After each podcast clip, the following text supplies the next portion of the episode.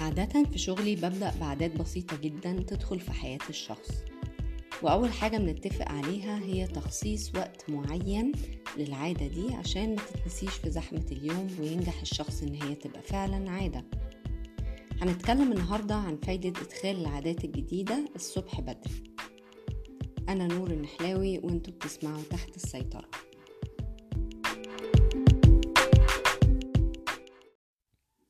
بتعملي إيه أول ما بتصحي الصبح؟ أول ما بتفتحي عينك. فكري كده. بتمسكي الموبايل بتشوفي مين بعتلك إيه أو إيه اللي بيحصل على الفيسبوك أو الإنستجرام أو تويتر ولا بتتوجهي المطبخ عشان تعملي قهوة؟ أول حاجة بتعمليها الصبح بتحدد يومك هيمشي إزاي. مشكلة ال social media أول حاجة الصبح إنك ممكن تشوفي خبر وحش أو حاجة تستفزك. إيه رأيك تجربي تبدأي يومك بحاجة عشانك انتي بس هتعملي إيه الصبح؟ أنا مش هقولك هتعملي إيه انتي اللي لازم تختاري. إيه الحاجة اللي دايما نفسك تعمليها ومش بتلاقي لها وقت؟ في client الأسبوع اللي فات قالت لي أنا نفسي أعمل face yoga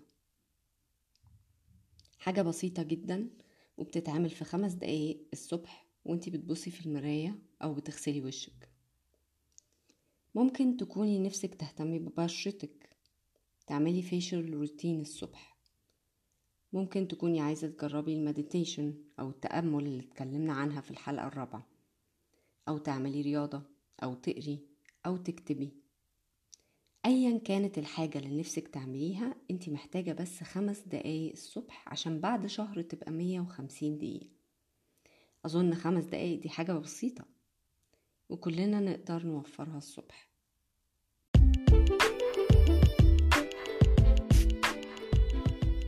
أنا ليه بقول الصبح؟ أولا عشان يومنا بيتحدد بأول حاجة بنختار نعملها. لو انتي صاحية مستعجلة الصبح وبتجري جهازك العصبي هيحس إن في مشكلة انتي بتواجهيها. وهيبدأ يدعمك. أيوة هو بيدعمك. لازم نفكر دايما إن جسمنا بيحاول يدعم أي حاجة إحنا بنحاول نعملها. هو بيشتغل معاكي مش ضدك. هيعمل إيه؟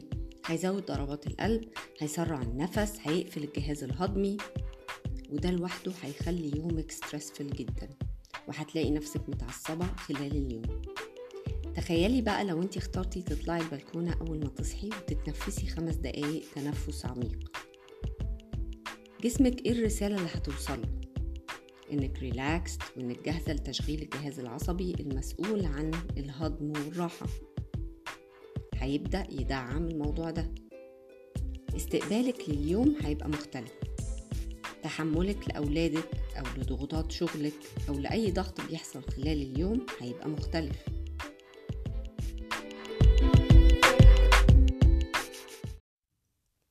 بس في حاجة مهمة.